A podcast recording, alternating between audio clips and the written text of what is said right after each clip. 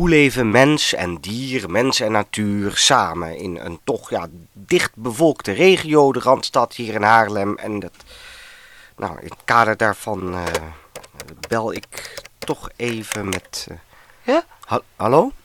Hallo. Ja, ha- hallo. Ik, eh, spreek ik met het meldpunt? Ja? Het meldpunt angstige ervaringen met Schotse hooglanders. eh, klopt dat?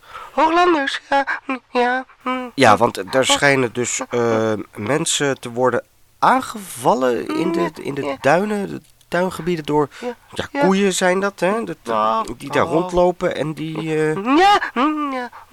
Maar ik heb daar zelf wel eens langs gelopen en dat, dat, nou, dat leken mij hele... Nou, nou, Rustige nou, dieren.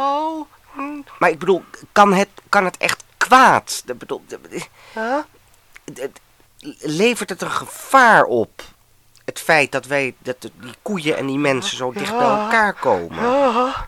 Maar u heeft zo'n heel meldpunt opgezet voor angstige ervaringen met Schotse hooglanders. Maar bedoel, heeft u angstige ervaringen met Schotse hooglanders?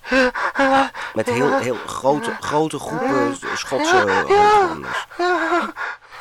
Maar er lopen bijvoorbeeld op sommige plekken ook paarden door de duinen. Vossen lopen er door de duinen. Konijntjes. eh, flinke haas. Maar- bent u, ik bedoel, is dit nou zo angstig of bent u... eh, eh, hallo? Meneer? Ja? eh. Boe!